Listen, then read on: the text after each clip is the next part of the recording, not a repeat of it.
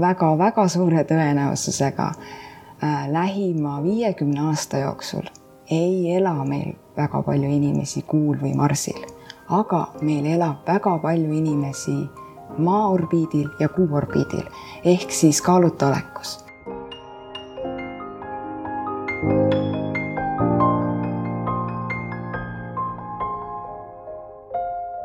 tervitused Tallinnast, minu nimi on Rainer Streffeld ja te kuulate saatesarja Globaalsed eestlased, kus meie eesmärgiks on luua mälupilt sajast silmapaistvast Eesti inimesest üle maailma, üksteiselt õppida ning tuua meid teineteisele lähemale.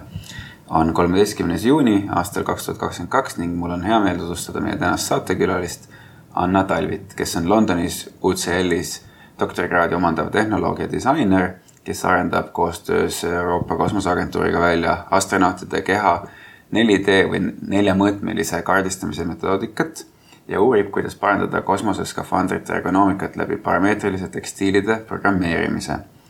Annal on Londoni kuninglikust kunstikolledžist magistrikraad ka disaini erialal, kus ta arendas välja astronautidele mõeldud rõivaid, mis äh, aitavad kohastuda äh,, kohastada pikaajaliseks elamiseks ja töötamiseks kaaluta olekus, sest inimese keha ei ole selleks mõeldud ja luu- ja lihastoonuse säilitamiseks mõeldud ülikonna edasiarendamiseks on ta loonud ka Eestisse oma ettevõtte. lisaks on tal äh, bakalaureusekraad rõivadisaini tehnoloogiast Taanis asuvast äh, Via University College'ist ning õppinud ka Tartu Ülikoolis majandust. et tere tulemast saatesse, Anne! tere, suur aitäh kutsumast! see äh, taust on sul nii äraütlemata huvitav, et peab kohe küsima, et, et kirjelda keskkonda äh, millest sa kasvasid, ähm, millised on sinu ehedamad, ehedamad mälestused äh, Saaremaast ja, ja kes, mis sind vormisid ja mõjutasid? Äh, ma kasvasin tõepoolest üles Saaremaal äh, metsa sees Viidumäe looduskaitsealal.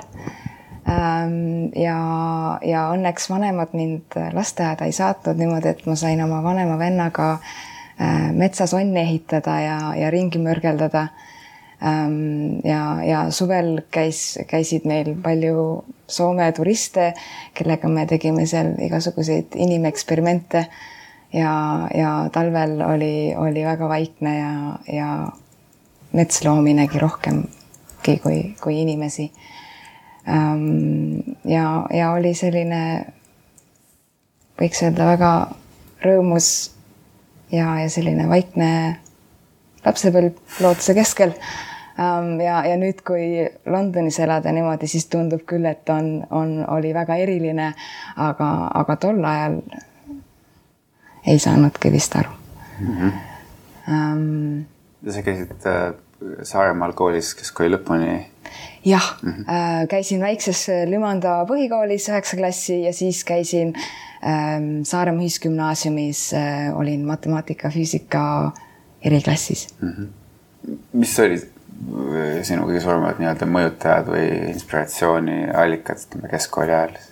kahtlemata ähm, mu, mu vanemad ähm,, mu mõlemad vanemad on bioloogid äh,. Nad on kõrgharidusega ja, ja, ja kuidas ma ütlen ähm,, jõuluvana meil talvel ei käinud, meil käis Charles Darwin külas, et, ähm, et äh, näidati alati looduses erinevaid liike ja kuidas ähm, vormid on kujunenud ja mikroskoobist näidati alati pisitigusid ja, ja seletati ähm, evolutsiooni ja, ja kuidas ähm, looduses käib ringlus ja, ja kõike seda.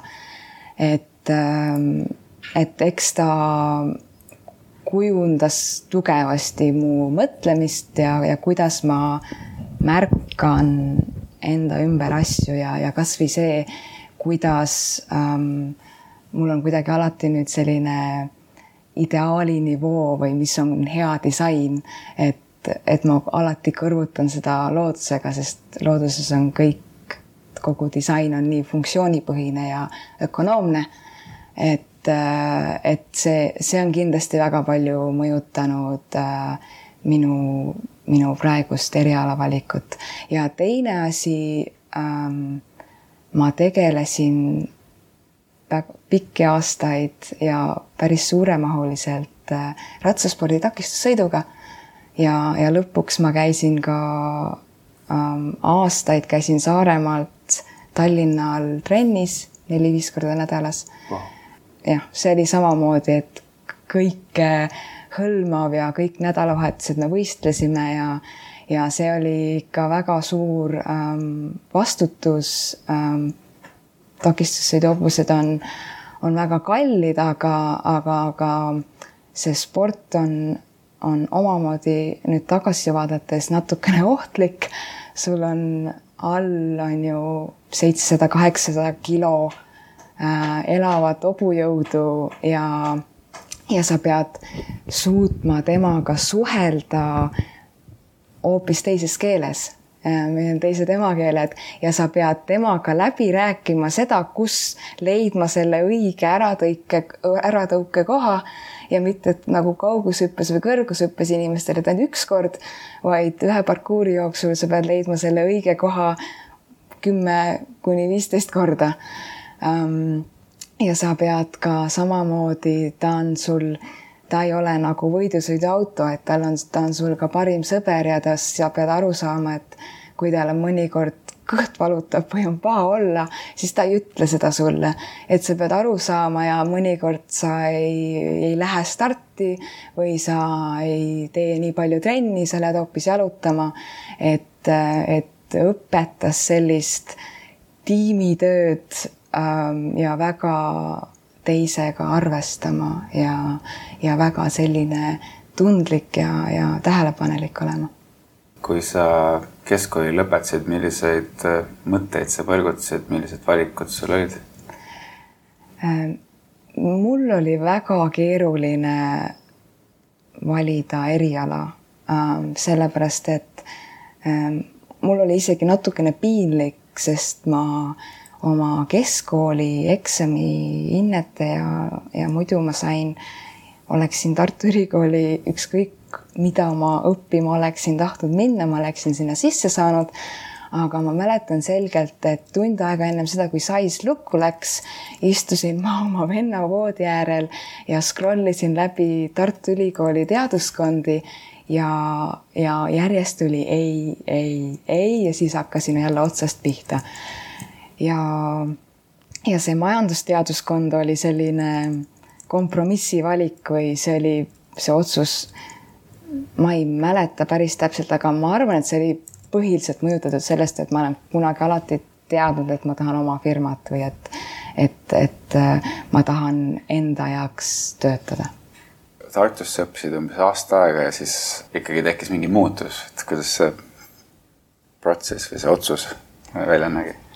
See oli, see oli üsna välk otsus ja ei olnud väga läbikaalutletud, et äh, mul nagu reaalainete ja matemaatikaga ei ole kunagi probleeme olnud ja, ja ka no, majandusteaduse esi, esimene aasta on, on ju täiesti kõrge matemaatika sada protsenti. ja, ja seal ei olnud mul kordagi nagu probleeme ja, ja sain oma asjad päris lihtsalt, kergelt tehtud.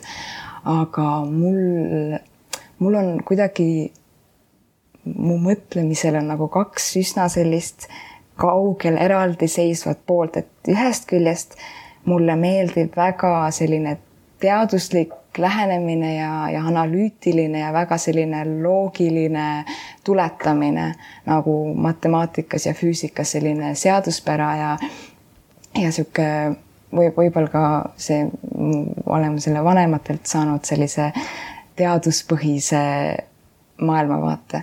aga teiselt poolt mul on olnud alati ähm, väiksena ma olen kogu aeg öelnud, et mul on ideid nagu Vändrast saelaudu, et mul on üsna selline loov äh, mõtlemine, mulle meeldib ise asju teha, mulle meeldib äh, uusi ideid proovida ja, ja mingeid veidraid ähm, mõttelõngu omaenda peas venitada. ja, ja siis ähm, oligi ta seal, seal majandusteaduses oli lihtsalt, see oli nii kuiv ilma ja ma ei, ma kuidagi ei näinud sealt läbi, et kuidas või millal ma suudaksin selle siduda mingisuguse loova asjaga.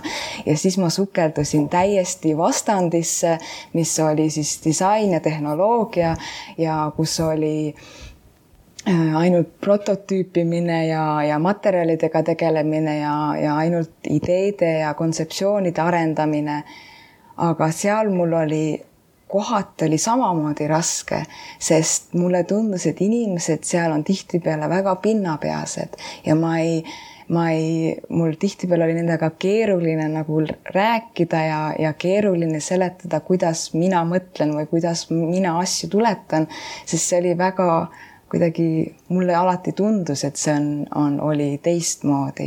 Ja tegelikult ähm, ma ei, võib-olla ma ei osanud häid näiteid sellel ajal näha, nüüd ma näen neid kindlasti rohkem. aga see oli alles mu magistritöö, kui ma olin Londonis, tegin magistritööd. alles teisel poolel ma kuidagi suutsin leida väljundi, et ma saan selle teadusliku lähenemise ja sellise loova mõtlemise ja siis oma kätega prototüüpimise, et ma saan tegelikult kõik need kolm asja kokku tuua, et on võimalik ähm, on võimalik anda oma panus või, või välja arendada midagi, et, et ma ei pea valima ühte neist. ja, ja siis sellest ajast peale mul on nagu ähm,, kuidas ma ütlen, hea olla, et äh,, et mul on nagu mingisugune vabadus, et, et ma mul on tunne, et ma olen, ma olen leidnud midagi, kus, kus ma, kus ma saan kasulik olla.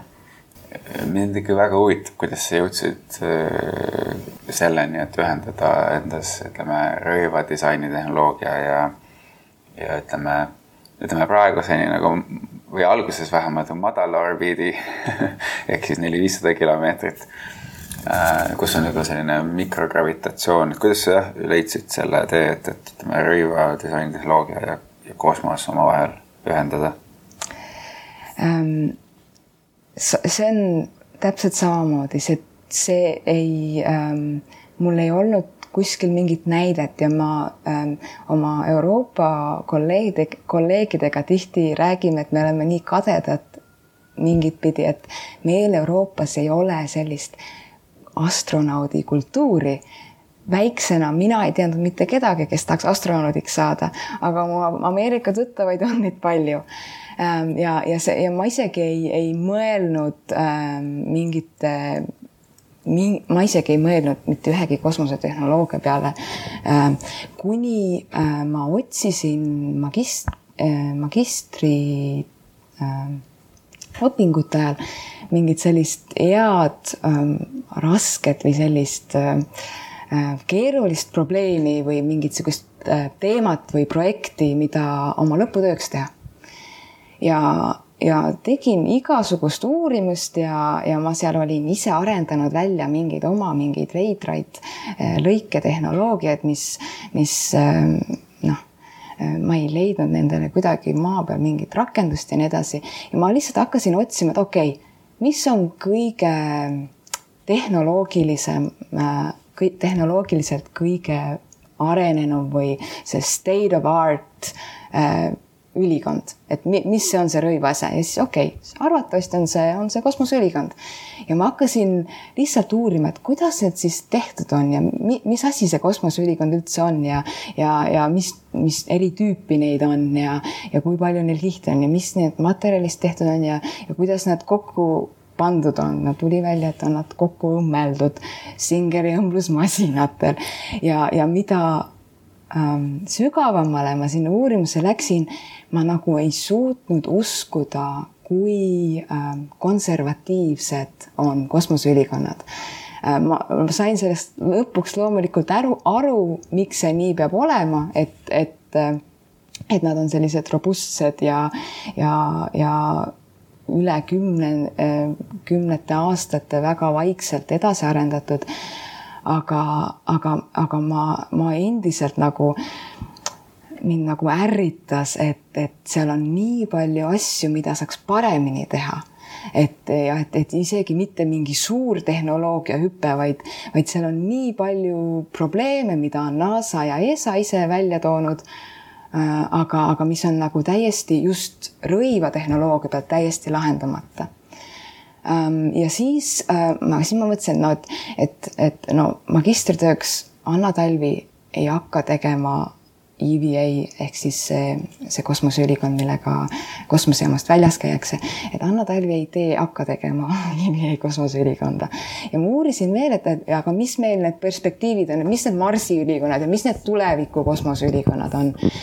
Ja ja need noh, need Marsi plaanid ja, ja Kuu plaanid, nad on, on nii, nagu nad on. Need plaane tehakse, aga need on sellised üsna vaiksed ja sellised äh, Ähm, äh, vähemalt Marsi plaan, Marsi kontseptsiooniülikonnad ja ei, ei ole midagi nii erilist äh, välja arendatud. aga siis ma sain aru, et väga-väga suure tõenäosusega äh, lähima viiekümne aasta jooksul ei ela meil väga palju inimesi Kuul või Marsil, aga meil elab väga palju inimesi Maa orbiidil ja Kuu orbiidil ehk siis kaaluta olekus ja, ja nagu meil praegu on rahvusvahelises kosmosejaamas äh, äh, teevad nad äh, astronaudid ja, ja ka muude, muude riikide siis kosmonaudid ja taikonaudid ja äh, teevad teadust. Ja seal on väga palju ära lahendamata probleeme, mis, mis on, tulenevad sellest, et äh, kaalu, kaaluta olekus inimese kehaga juhtuvad väga-väga olulised muutused. ja, ja need muutused on kohati paralleelsed sellega, mis juhtub meiega maa peal, kui me vananeme või kui me oleme voodihaiged. Ja, ja sealt äh, läks kohe pirnike põlema ja, ja hakkasin, hakkasin vaatama, et et seal on, on väga suur ruum midagi positiivselt ära teha ja et, et äh, võib-olla järgmise kümne aasta jooksul on meil neid astronaute seal orbiidil endiselt vähe, aga sama tehnoloogiaga maa peal on neid abivajajaid väga-väga palju, meil on ju vananev äh, rahvastik ja, ja sealt, äh, sealt see mu äh, antagonist eksomassel ehk siis see luu ja lihaskadu äh, ära hoidev või siis luu- ja lihastoonust hoidev äh, ülikond alguse sai ja, ja seda ma tegelikult siiamaani äh, arendan vaikselt edasi. ja, ja see, see, see võtab veel aega ja nüüd ma hakkasin veel arendama sellele tehnoloogiat, aga, aga, aga loodetavasti ta saab mm -hmm. mõne aasta pärast kohe täitsa valmis. see oligi sinu magistritöö teema ja, ja räägigi, et võib-olla natuke lihtsalt selgituseks kuulajatele, et kuidas kuidas see töötab, mida ta teeb? et ilmselgelt inimese keha ei ole loodud, eks ole, kaaluta olekus äh, elamisele, et, et mida ta konkreetselt teeb sinu luu- ja lihastoonusega, et sa saaksid, ütleme, ma ei tea, kui pikkadest perioodidest äh, sa mõtlesid, kui sa seda disainisid ka?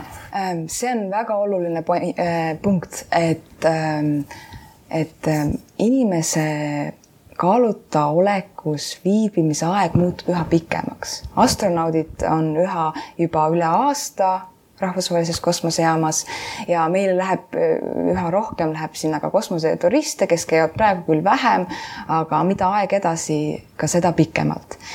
ja, ja ähm, see kaaluta olek äh, vallandab sellise laviini või, või väga suure muutuste hulga inimese füsioloogias ähm,.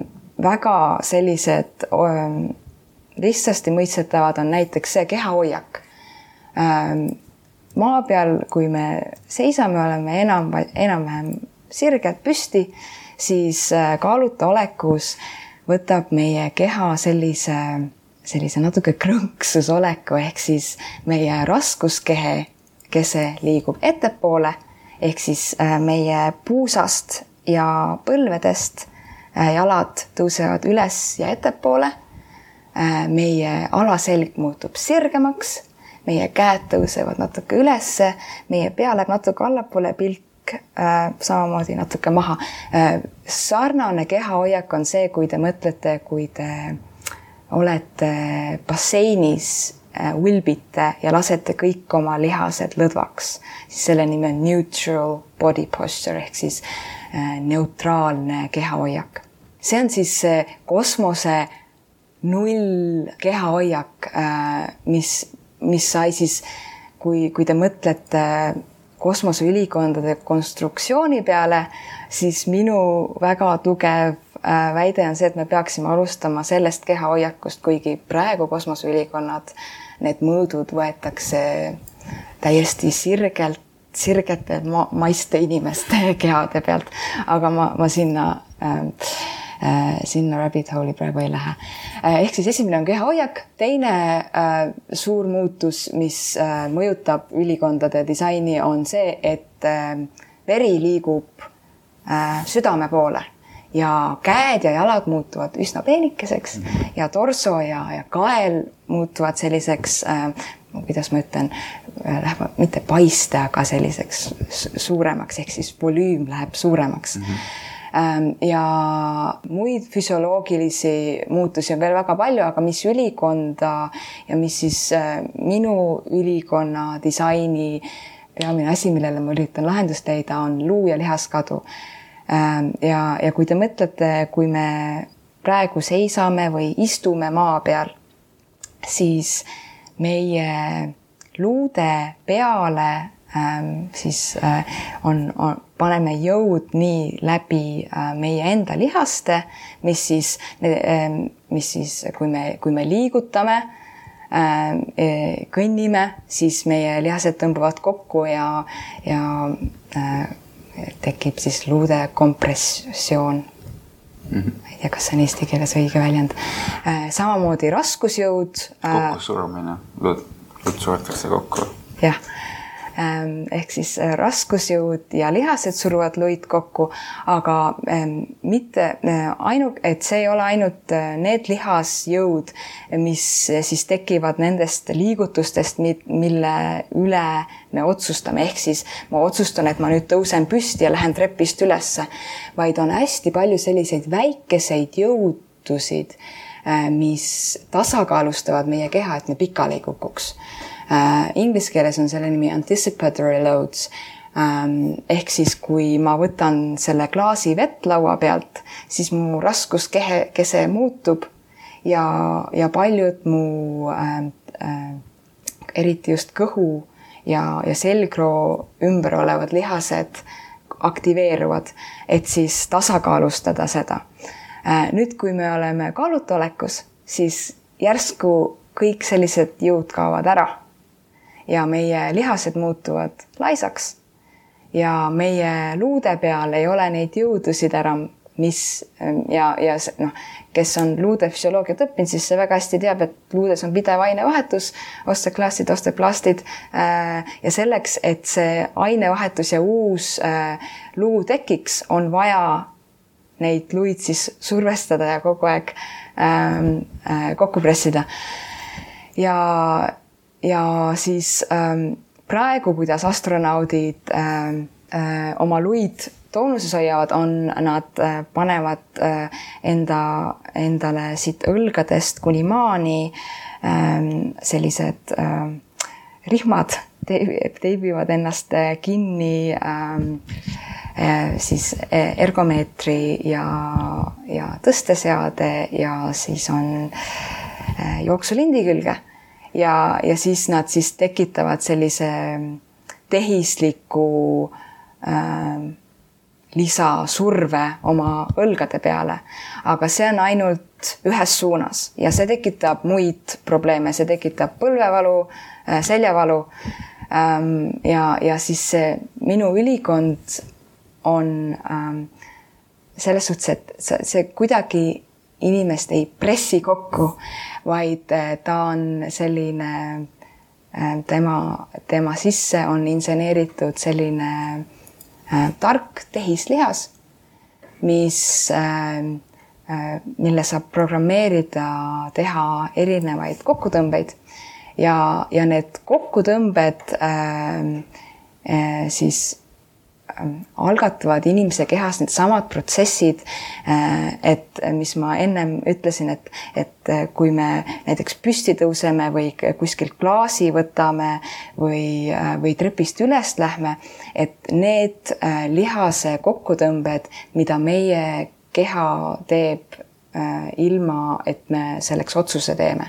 ehk siis need nii, nii-öelda ise initsieeritud äh, lihase kokkutõmbed, aga äh, need on küll väikesed, aga kui te need üle päeva kõik kokku liigat-, liidate, siis kumulatiivselt ähm, on, on see päris, päris suur jõud, see on päris suur hulk siis luude laadimist, mis kokku tuleb.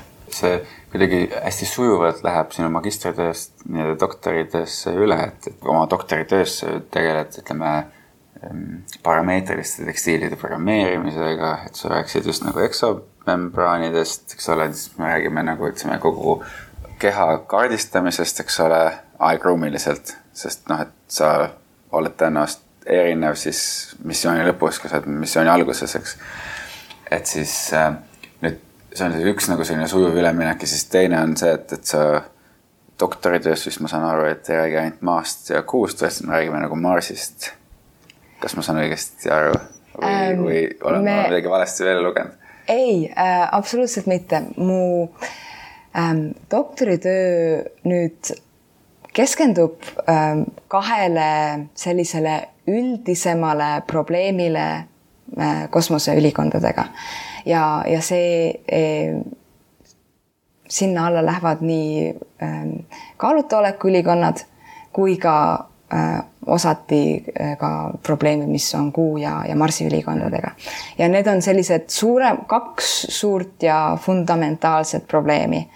Äh, esimene probleem on, on selles, et, äh, et, et ma pean ära seletama, kuidas, mis see põhimõte on, kuidas kosmoseülikonnad on praegu tehtud siis võetakse suurtest sõjaväe andmebaasidest inimese mõõt, Äh, siis mõõdud, äh, kehamõõdud äh, väga erinevatest kohtadest, rinnamõõt, puusa ümbermõõt.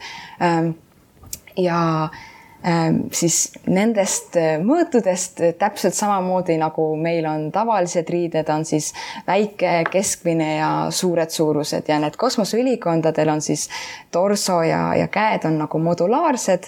Ehk siis kuna ka inimestel, eks ju, lühikesel inimesel ei ole tingimata lühikesed käed ähm, äh, ja, ja lühikese torsoga lühikese torsoga inimesel võivad olla väga pikad jalad, siis äh, need äh, praegused kosmoseülikonnad siis on modulaarsed, et sa saad neid kokku panna.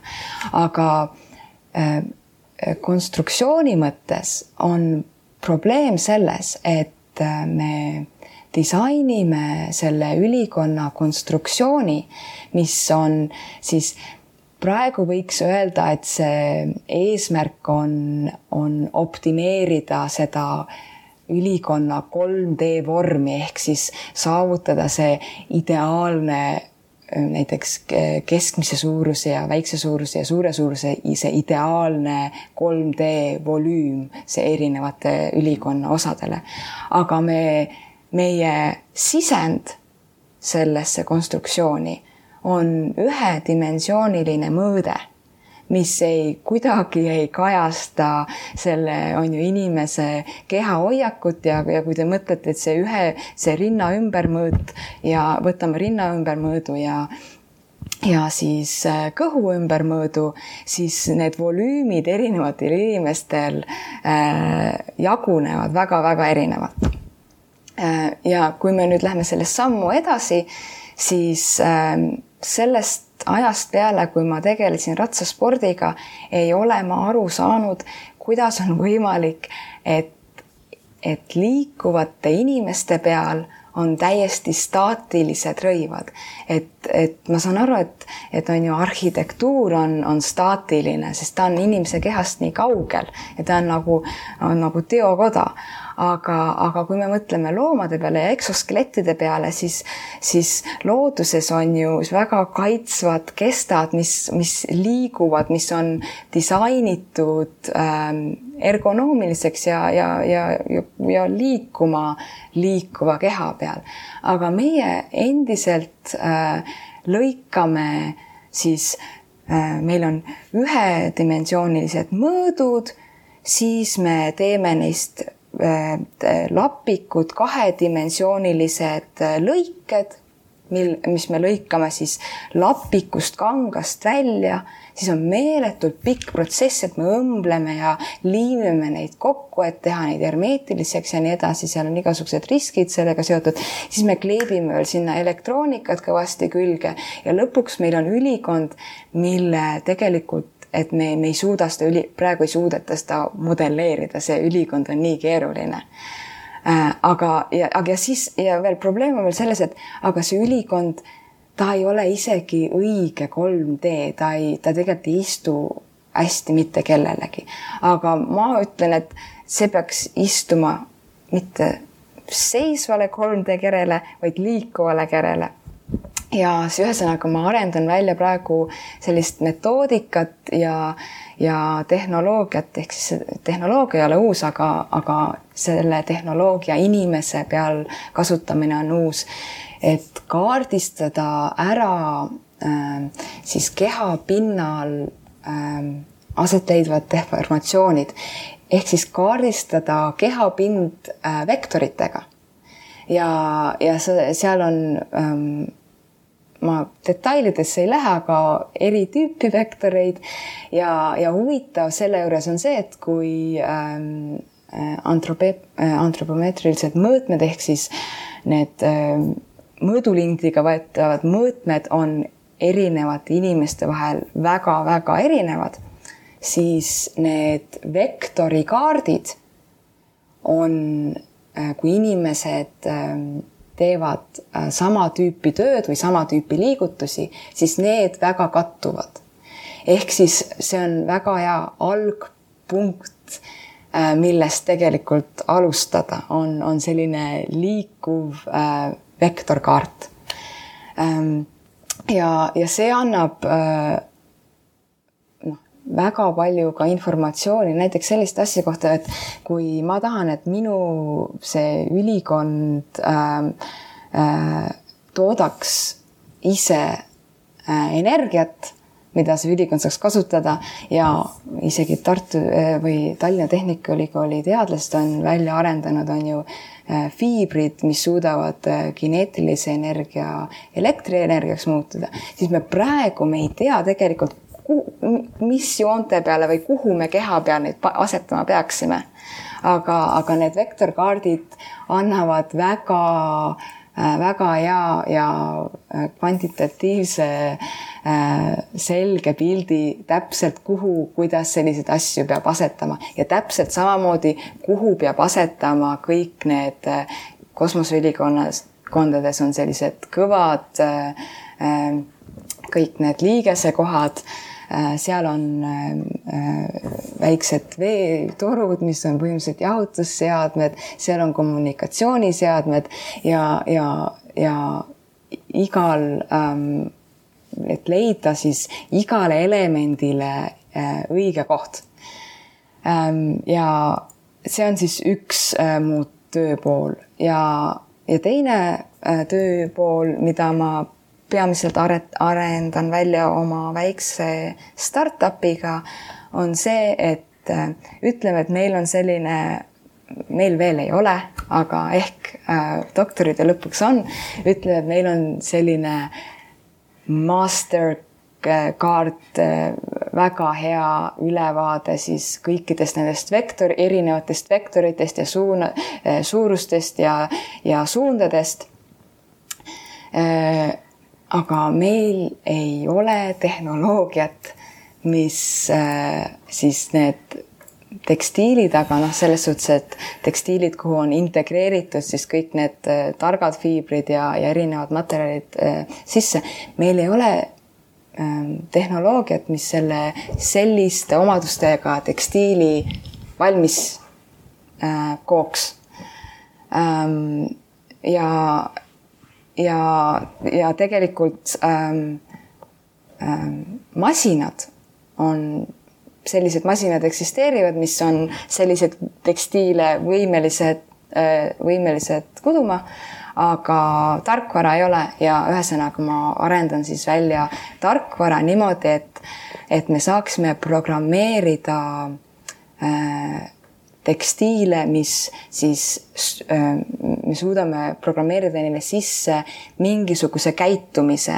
Ja see ei ole ainult lineaarse käitumise, ehk siis kui te mõtlete noh, koe ja lõimelõngade peale või, või siis äh, nagu kui tavalised tekstiilid on äh, nagu täisnurga, täis, need lõngad on nagu täisnurga all, siis äh,, siis see tegelikult äh, kudumismasinad ei pea täisnurga all kuduma ja, ja nad suudavad kududa ka äh, kolmedimensioonilisi tasapindu.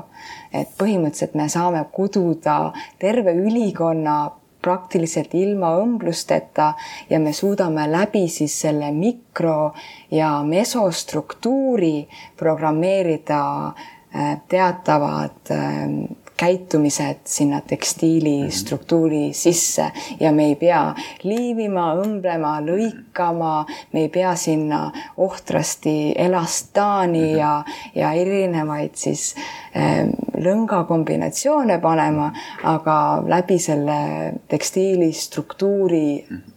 me, me paneme selle ülikonna niimoodi tööle, nagu me tahame. see selline dünaamiline mm ütleme, morfoloogiline rõivastus on hästi atraktiivne mingis mõttes, et noh, et sa enne mainisid, et ratsaspordist, korraks rääkisid ratsaspordist, siis loodusinspiratsioonist eh, oma praeguses töös, aga kas sa vastupidi oled ka nagu mõelnud, et, et kas maapealsetel inimestel ja peamiselt siis ütleme moe mitte lihtsalt moedisaineritel, vaid üldse rõiva kujundajatel, ütleme siis nii, kas meil on sellest midagi õppida, mida sa praegu teed või mis üldse kosmosevaldkonnas toimub, sest tihti on nii, et kosmosetehnoloogia läheb kosmosesse, siis jõuab maale. et mis, mis äh, võiksid olla need esimesed ilmingud, mida siin oma riietuses äh, võiksime näha? Ähm, no sellist tehnoloogiat ja sellist mõtlemist juba kasutatakse palju ähm, proteeside mm, -hmm. siis see, kus protees äh, saab kokku siis äh, inimese enda amputeeritud kehaosaga. seal on selline väga keeruline ja see on alati indiviidi spetsiifiline, kuidas ta on amputeeritud ja, ja mis see siis kohtumiskoht on. Ja kui me vaatame äh, MIT-sse, kes on näinud Hugh Harry äh, bioonilisi äh, jalgu, mis ka tunne, kui, kui sa ta tehisjala pea, tehisjala varva peale astud, siis sa tunned ise et keegi sulle nagu astuks oma pärisvarba peale, siis eriti eh, sellised äh, inglise keeles interface'id äh, on, on tekstiilid on, on suurepärased, sest nad on, nad, nad suudavad rääkida nii selle pehmete inimeste kudedega kui siis selle kõva tehisliku proteesiga ja, ja ähm, seal on sel, sel, sellel alal juba arendatakse sellist ähm, mõtlemist päris palju ähm,. ja, ja samamoodi palju sellised ähm, meditsiinilised äh, äh, vahendid äh,, kompressioonid, inimesed, kes on voodihaiged ähm,, äh, meditsiinitekstiilid, palju ähm, on, on muutumas populaarsemaks äh, sellised programmeeritud tekstiilide kasutamine arhitektuuris, näiteks äh, asendada ähm, äh, betoon iseenesest ei ole nii ähm, keskkonnavaenulik, kui on see metall, mis pannakse siis betooni tugevdamiseks sinna betooni sisse ja nüüd äh, kasutatakse selle asemel tekstiili äh, ja, ja suudetakse teha parameeri, para, äh, parameetriliselt samamoodi programmeerida palju õhemad äh, betooni äh, siis ehitised äh, ilma selleta, et sul oleks vaja nii palju seda betoonimassi ja seda metalli seal sees, vaid selle, selle tugevuse loob sinna tekstiil, mis on tegelikult väga-väga õhuke ja hästi kerge, aga ta on väga tugev ähm,. aga üleüldiselt ähm, mida kosmosest ja, ja kosmoseülikondadest äh, maa peal võiks õppida. esimene asi on kindlasti see, et äh, see on üleüldiselt äh, mitte ainult äh, ri-, ülikondade ja riietega, et ükskõik, mida kosmosesse disainida, jätkusuutlikkus ja selline ringmajanduslik mõtteviis ei ole niisugune kena asi, mis võiks olla, vaid see on sõna otseses mõttes elu ja surma küsimus. ma olin äh, eelmisel nädalal kuumajade äh, töögrupis ja, ja üle päeva asi, mille juurde tagasi tuldi, on see, et eh, kuu peal kaka on kuld. et kõik läheb, kui me oleme kosmoses, siis kõik, mis me kaasa võtame, tuleb panna uuesti kasutusse ja kõik, mis me disainime iga grammi kosmosesse viimine on nii kallis, et kõik, mis me sinna disainime, kõike peab saama kasutada võimalikult pikalt, seda peab saama parandada, see peab olema multifunktsionaalne ja nii edasi. ja, ja selline disaini printsiip äh, võiks jah, võiks maa peal palju rohkem kasutada ja, ja teine disaini printsiip on see, et me disainime nii palju, kui on vaja. Dieter Rams, nii vähe disaini kui võimalik ja see ei tähenda seda, et, et see, me kuidagi ei tööta selle asja kallal palju, tihtipeale disain, mis on väga-väga lihtne, tegelikult nõuab kolm korda nii palju tööd. et, et tõesti küsida neid õigeid küsimusi, mille jaoks see on vaja, mis need parameetrid on ja kas see kas see asi, mida ma disainin, kas see on tõepoolest vajalik, kas see probleem, mida ma lahendan, on, on mingi minu, ainult minu probleem või see on ka kellelegi teisele tõesti probleem. Ja, ja, ja sellist äh, soovmõtlemist äh, välja arutada äh, ma leian, et võiks maa peal palju rohkem äh, Ähm, kosmoses ähm, juuritakse need väga-väga kiiresti välja kohe. Need on, need on peamised vist kaks mõtet. kas meie maapealsed rõivad võiksid olla rohkem kestlikud, rohkem, ma ei tea, mis see õige sõna oleks, ma tahan, tahan kasutada sõna mitte eestikeelset, eestikeelset sõna uniform. et, et, et mm, kas meil ei ole liiga palju riideid ja kas me, ma mõtlen siin rõivaid, mitte riideid, aga, aga, aga et kas tõesti, ma, ma ei usu, et kõik inimesed oleksid minuga nõus, kui ütleks, et meil võiks olla mingisugused sellised kahekümne esimese sajandi ülikonnad, mis teevad palju rohkem kui see, mis nad täna teevad, aga et nad oleks kestlikud ja nii edasi. aga lihtsalt, miks mitte, et räägi oma mõtetest. minu tagasihoidlik mõte on see, et võiks kohe, aga noh, see ei ole realistlik. järgmise viie või kümne aasta jooksul äh, oleks viimane aeg, et kogu see kiirmood või ühesõnaga riided, mis kestavad paar kasutuskorda või paar pesu, minu meelest see ei tohiks olla legaalne, see on äh, üks õudne eksperiment, mida lastakse mingil põhjusel edasi minna. Äh, see ei, me, me teame juba ammu palju paremini ja, ja tõepoolest tekstiili- ja rõivatööstus on üks kõige reostavam tööstus ja see noh, see ära visatud hilpude hunnik on noh, ahastama panev et äh, meil ei ole vaja teha enam mitte ühtegi uut T-särki järgmised sada aastat.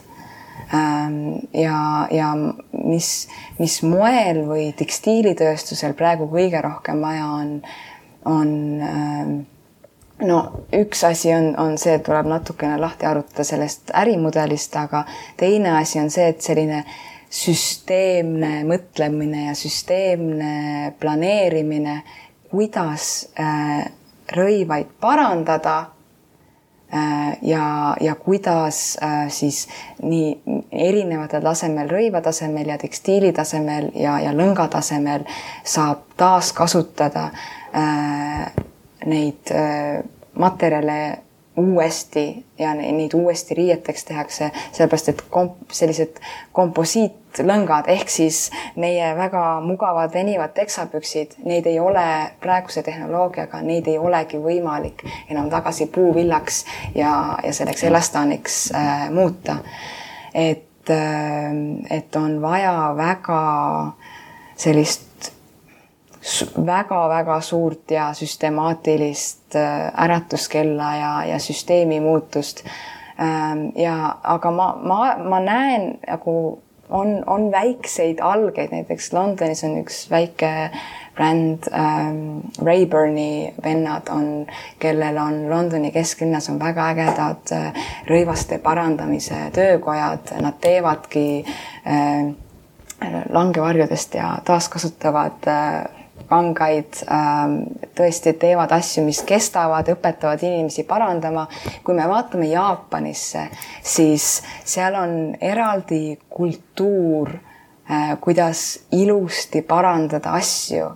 Äh, seal antakse nii-öelda need kodupüksid äh, nüüd seda vist enam nii väga ei tehta, aga, aga ju anti üle generatsioonide põlvest põlve anti need püksid edasi ja seal on lapp lapi peal, mis on väga hoolsasti ära parandatud ja nüüd lääne inimesed otsivad neid taga, ostavad kümnendat kümnete tuhandete eurode eest, mis mul Jaapani sõbrad naeravad vaikselt, et ahahaa, et me viskame need kodus ära, meil on piinlik nende pärast.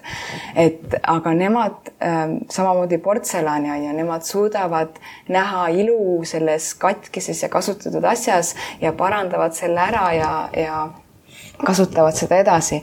et, äh, et äh, mina ei tea, kust see muutuse energia tuleb, aga see on paratamatu ja, ja ma loodan, et ta tuleb kiiresti.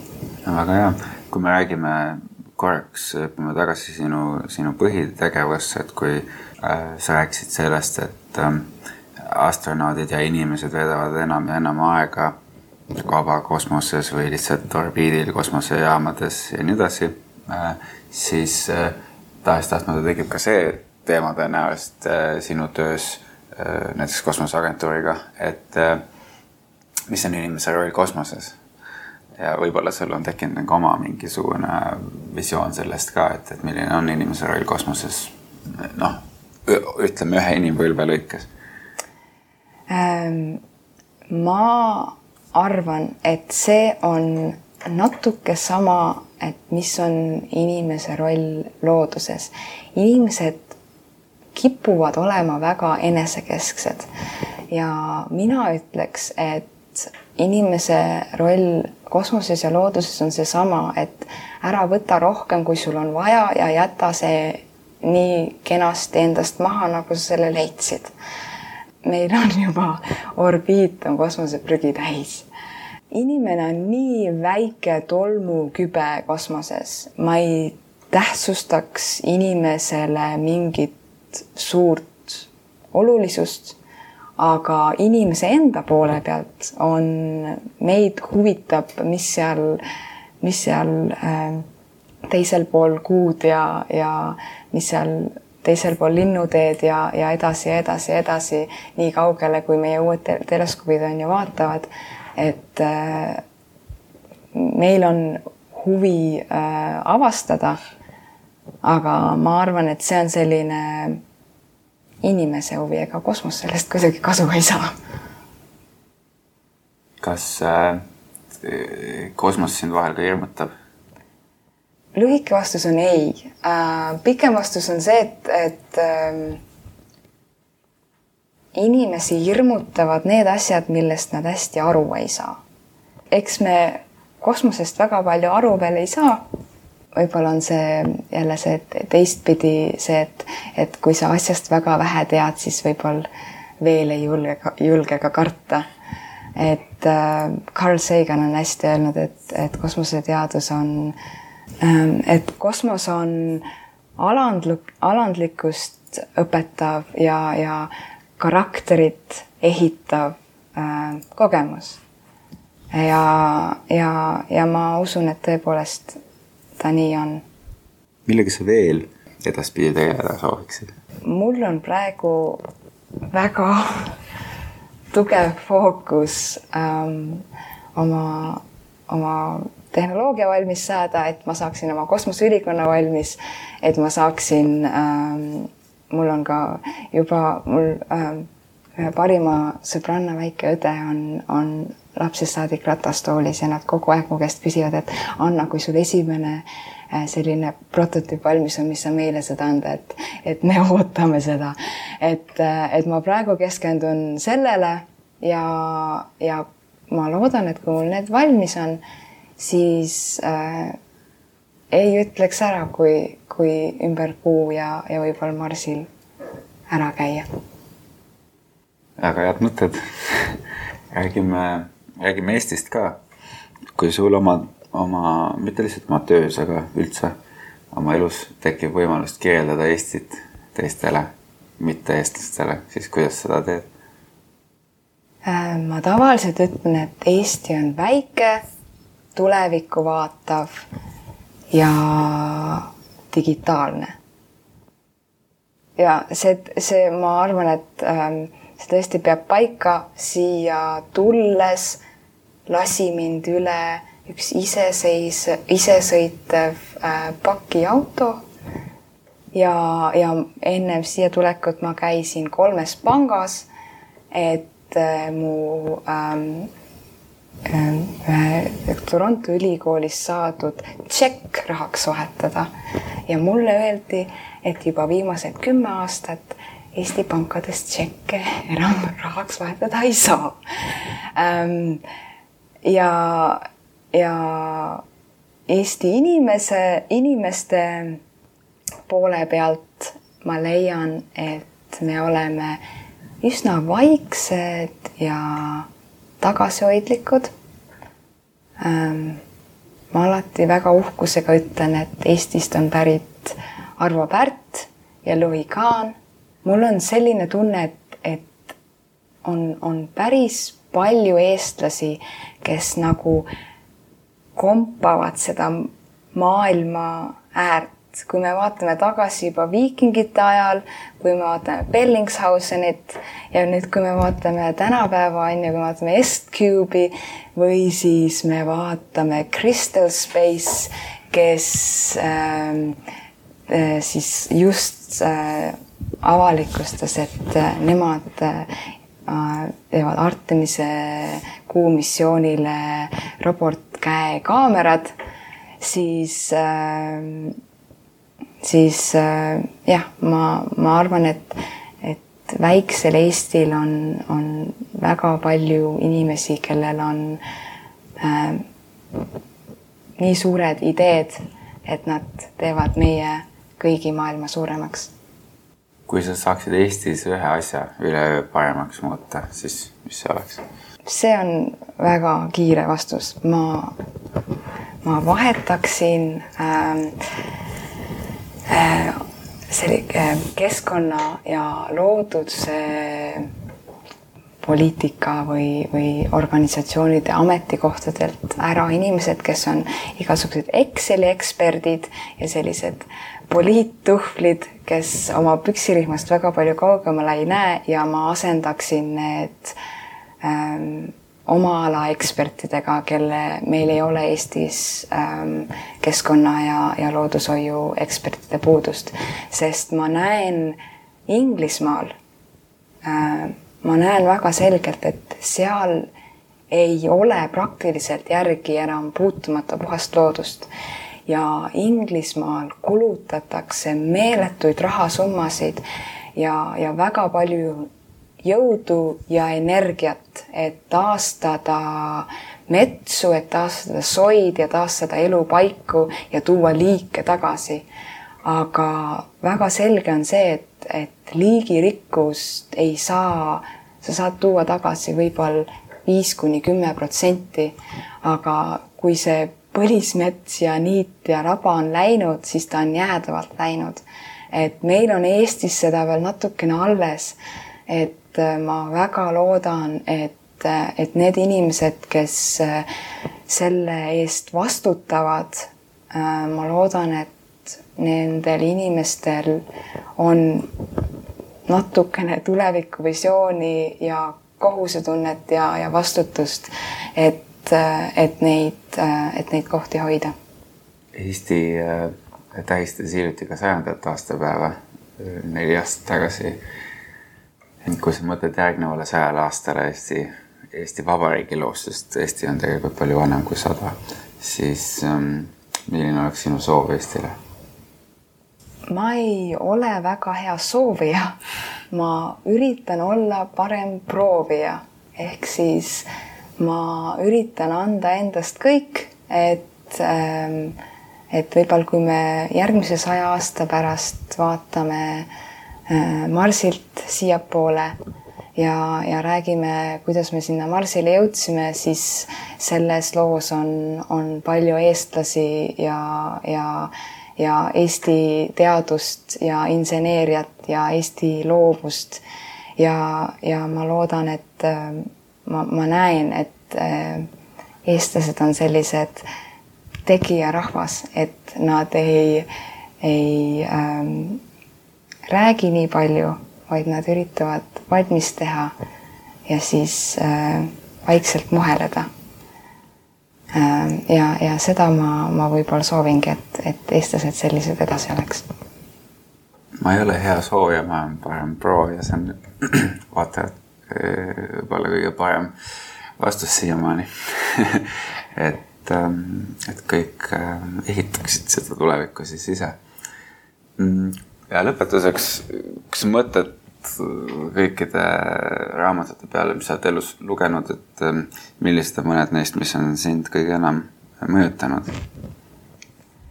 minu absoluutne lemmik on Douglas Adamsi Hitchhiker's Guide to the Galaxy, mis on äh, lihtsalt geniaalne, see on humoorikas ja see on täiesti äh, naelapea pihta kirjeldus siis inimese loomusest ja, ja sellest, kuidas me äh, tehisintellektiga või, või, või siis äh, tehnoloogiaga suhtleme või tulevikus suhtleme ähm,. teine mille ma välja tooksin ja mis on väga oluliselt mõjutanud äh, seda mu praegust tööd, on äh, Max Tegmarki Life 3.0, mis on tegelikult ka tehisintellekti äh, tehisintellektist rääkiv raamat, aga seal on üks lause, mida ta kor-, mitu korda kordab ja see on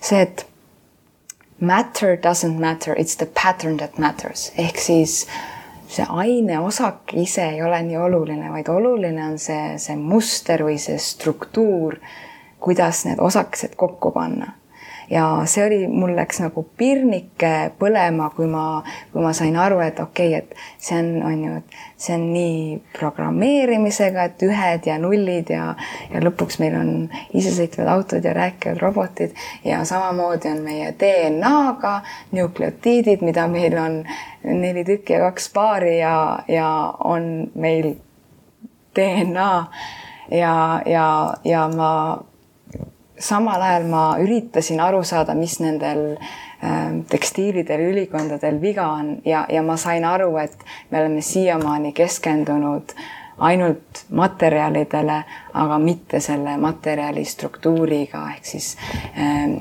mismoodi ta, ta kokku pandud on. ja kolmas kirjandus ei ole, mis mind on mõjutanud, ei ole raamat vaid on üks Andrus Kivirähki lugu, äh, mille nimi on Vesine pühapäev. ja, ja miks ma selle välja toon, on see, et ma olin väiksena no nii tagasihoidlik, et vaju või maa alla. aga ma käisin etlemiskonkurssidel ja ma tundsin kuidagi lava peal, et ma, ma, kui ma võtan mingi teise karakteri või, või mingi persooni, teen teda järgi, et, et äh, siis oli, oli väga julge ja minu väiksest viiaastased peal mu kõige suurem lemmik üldse oli Lennart Meri, keda järgi teha. ja siis Andrus Kivirähki Vesine pühapäev on lugu sellest, kuidas Eesti poliitikud ja, ja siis äh, see on selline naljalugu, et Eesti poliitikud ja, ja Lennart Meri ootavad tormi. ja, ja kui ma õigesti mäletan, siis äh, vist Villu Reiljan ronis tormi eest meepurgiga puu otsa. aga see, see lugu lõpeb nii, et, et, et äh, üksi seisab mere ääres Lennart keset kõige suuremat tormi ja ta muigab ja siis ta ütleb, et selline sa siis olidki, viienda aasta vesine pühapäev. saame sinuga hakkama. Anna, suured tänud, et sa võtsid äh, aega tulla siia oma kiirest graafikust ja jagada oma, oma elu ja tööd ja mõtteid, mis on kahtlemata väga huvitav huvitavad ja, ja, ja, ja erilised ähm, ja olulised. nii et, et soovin sulle väga ähm, palju edu edaspidises ähm, töös ja, ja loodan, loodame sinust kuulda peagi. suur aitäh, elagu Eesti head kuulajad, te kuulasite saatesarja Globaalsed eestlased ning meil oli külas Anna Talvi. kui teil on veel mõtteid ja ettepanekuid, kellega võiksime rääkida, siis kirjutage globaalsed eestlased, et gmail.com. Kuulmiseni